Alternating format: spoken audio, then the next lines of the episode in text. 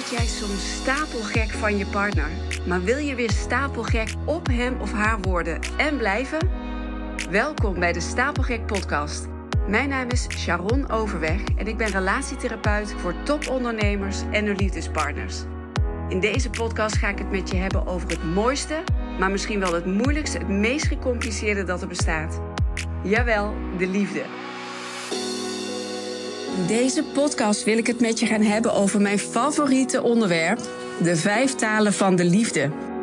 De Vijf Talen van de Liefde is een boek. Ik heb het helaas niet zelf geschreven. Het is geschreven door Gary Chapman, een Amerikaan. En uh, je ziet hem nog steeds regelmatig bij Dr. Phil met zijn Five Love Languages. En hij was ook wel eens bij Oprah Winfrey. Hij is fantastisch. Het boek is geweldig. Het is een vrij klein boek. Ik heb meer dan nou, 50, 60 boeken, denk ik, over de liefde en relaties gelezen. En deze blijft bij mij met stip op nummer 1 staan. Er zijn heel veel goede boeken, maar waarom hou ik zo ontzettend van dit boek? Nou, dat komt omdat het heel simpel is. En dat betekent trouwens niet dat het eenvoudig is. Hè? Iets wat simpel is, betekent niet dat het eenvoudig is. Maar het is simpel. En het is universeel. Het maakt niet uit waar je woont, wie je bent, welke, welk geloof je aanhangt, of dat je niet gelovig bent. Of je vijf jaar bent of 110. Deze talen worden door iedereen op de hele wereld gesproken. En nou ja, weet je hoeveel spreektalen er zijn over de wereld, wereldwijd. Hè? Dus hoeveel spreektalen zijn er? Nou, ik heb het opgezocht. Er zijn meer dan 6000 spreektalen. Maar er zijn slechts vijf liefdestalen. En daarom hou ik er zo van. Hè? En die liefdestalen, wat is dat nou eigenlijk? Nou, Gary Chapman, de schrijver van dit boek, die stelt dat er vijf manieren zijn om liefde te uiten en om liefde te ontvangen. Je hebt echter één voorkeurstaal. Dus dat is jouw primaire liefdestaal, je moedertaal. En net als dat uh, in mijn geval Nederlands mijn moedertaal is. Uh, in het Nederlands, dat versta ik gewoon het beste. Dan komen de boodschappen bij mij het beste aan. Ik kan het beste spreken in het Nederlands. dus dat, zo werkt dat met die liefdestalen ook. Als ik in het Nederlands zou zeggen tegen een Spanjaard... ik hou van jou, ik hou van jou... en die, die, die, spreekt, die verstaat dat niet... dan komt mijn liefde dus niet aan. En zo werkt het ook met die liefdestalen. Nou, ik noem ze even alle vijf op. Gewoon willekeurig, maar ondertussen moet je maar eens even voor jezelf bedenken: hé, hey, waar ga ik nou op aan? En je vindt ze alle vijf in meer of mindere mate prettig. Maar er is er één, er zijn er twee, die staan bovenaan. Dat als die ander dat bij jou doet, dan komt de liefde bij jou het beste aan. Nou, de eerste taal, en gewoon even willekeurig, hè, door elkaar. De eerste taal is positieve woorden. Bemoedigende woorden, complimenten. Bijvoorbeeld, ik hou van jou. Maar niet iedereen kan zeggen, ik hou van jou. Maar als, hè, dat, dat, dat valt onder positieve woorden. Hè, uh, en ook complimenten, zoals wat zie je er leuk uit? Wat heb je lekker gekookt? Hè, wat een mooie auto heb je gekocht? Schat, wat fijn dat je me hebt geholpen. Hè, dus positieve woorden, bemoedigende woorden. Jij kunt alles, ik geloof in jou, succes vandaag. Dat soort woorden. Nou, de tweede taal zijn aanrakingen, fysiek contact. Het hoeft niet meteen seks te zijn, dat kan het ook zijn, maar het gaat hier heel erg over genegenheid. knuffelen, een zoen, een hand even op, op een eh, been leggen. dus genegenheid, contact, lichamelijk contact. De, mensen voor wie dit een hele belangrijke liefdestaal is, ja, die hebben het echt heel zwaar gehad tijdens de coronaperiode, waarin we elkaar niet mochten aan, we mochten elkaar niet eens aanraken. Dus mensen konden niet eens hun liefde uiten, maar ook niet ontvangen. Er was gewoon, daar komt dat woord huidhonger vandaan. Afschuwelijk. Nou, de derde taal is attenties of cadeautjes. En het gaat hier niet eens om het hele grote. Het hoeft niet altijd groot te zijn, dat mag wel. Maar het zit hem vooral in het met aandacht gekochte of gemaakte, uitgezochte cadeau. En ook op de manier waarop je het geeft. Hè? Dus met aandacht geven. De vierde taal is tijd, quality time. En hier wordt bedoeld echt elkaar je onverdeelde aandacht geven dus niet dat de een op de bank zit te Netflixen en de ander zit op de telefoon. Dat is niet wat hiermee wordt bedoeld. Kan wel prima zijn, een keer. Je hoeft niet de hele tijd elkaar tijd. Maar wat hiermee wordt bedoeld is echt aandacht voor elkaar, quality time. En de vijfde taal is hulpvaardigheid. Dus uh, helpen, dienen. bijvoorbeeld helpen in het huishouden, koken, iemand naar Schiphol brengen. Dus iemand echt helpen. Nou, dat zijn vijf liefdestalen. En nogmaals, je vindt ze alle vijf in meer of mindere mate prettig. Ik zeg altijd maar zo, zelfs onze koningin Maxima is, wordt nou blij van een cadeautje.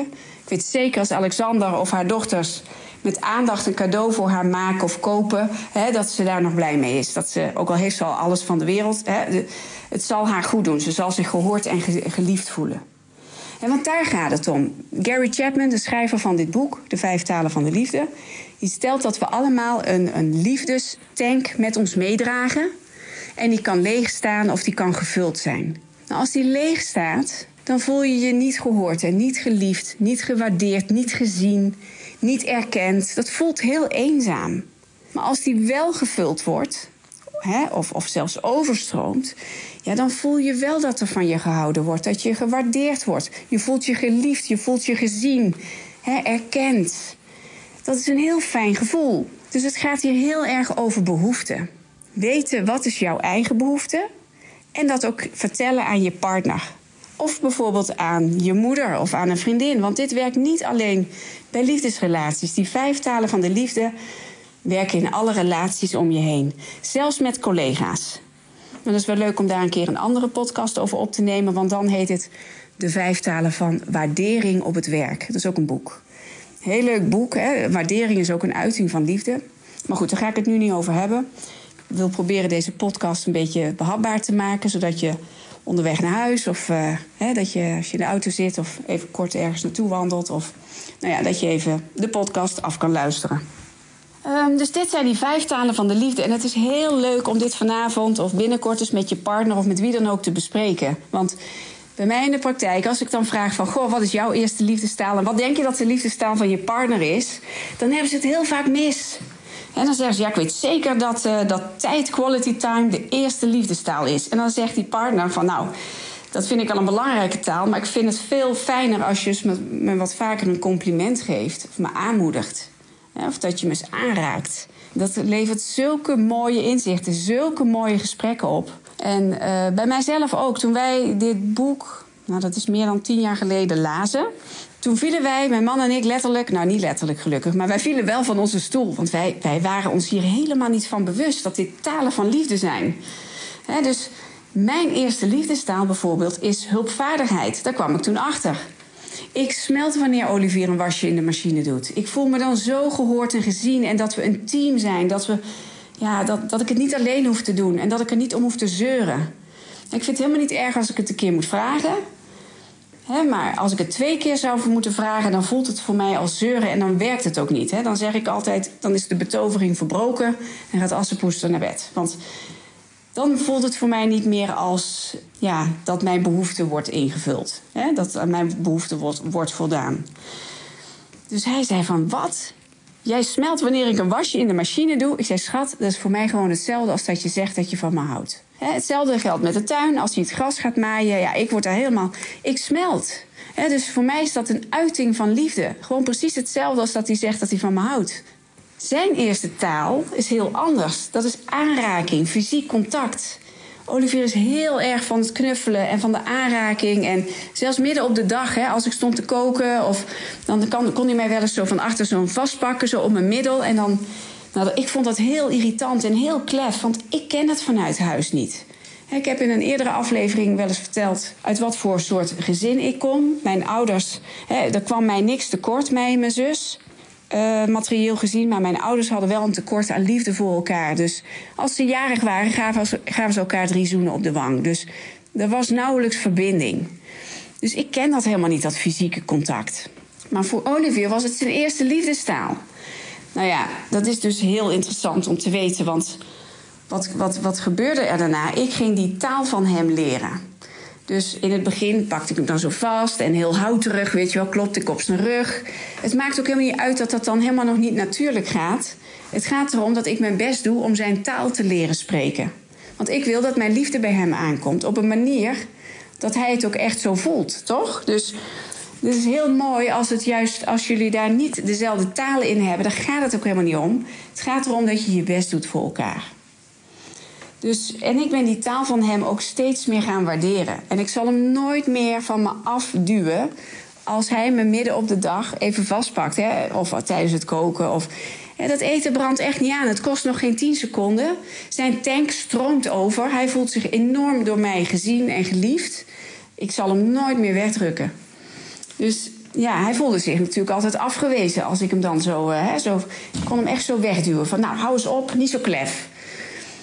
Nu weet ik dat, maar toen wist ik dat helemaal niet. Dus ik ben heel erg benieuwd wat deze podcast uh, bij jou losmaakt. Bij jullie. En of jullie het hierover gaan hebben met z'n tweeën. Ik kan je beloven, dat levert echt prachtige gesprekken op. Ik zou zeggen, boek een leuk tafeltje. Bestel een mooie fles wijn en heb het hierover. Je hebt echt een mooi avondvullend programma. En nou ja, ik, uh, ik kan er de hele dag over doorpraten, want die talen hebben natuurlijk ook weer dialecten en zo. Maar dat uh, in mijn traject, in mijn uh, couple retreat, ik heb een tweedaagse couple retreat als onderdeel van mijn traject, daar komt dit uitgebreid aan bod. Het is echt een sessie van twee uur. Want we gaan hem helemaal afpellen. Want ja, tijd samen, wat is dat dan voor jou? Hè? Want dat, ja, dat is natuurlijk een heel algemeen begrip. Dus die gaan we helemaal specificeren. is heel leuk. Afijn.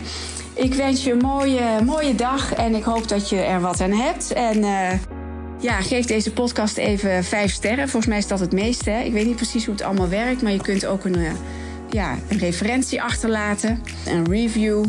Nou, superleuk. En wil je meer van me weten? Connect even met me op LinkedIn, Sharon Overweg. En uh, stuur me een DM als je iets wilt delen of een vraag aan me hebt. Dan komen we met elkaar in contact. Bye bye.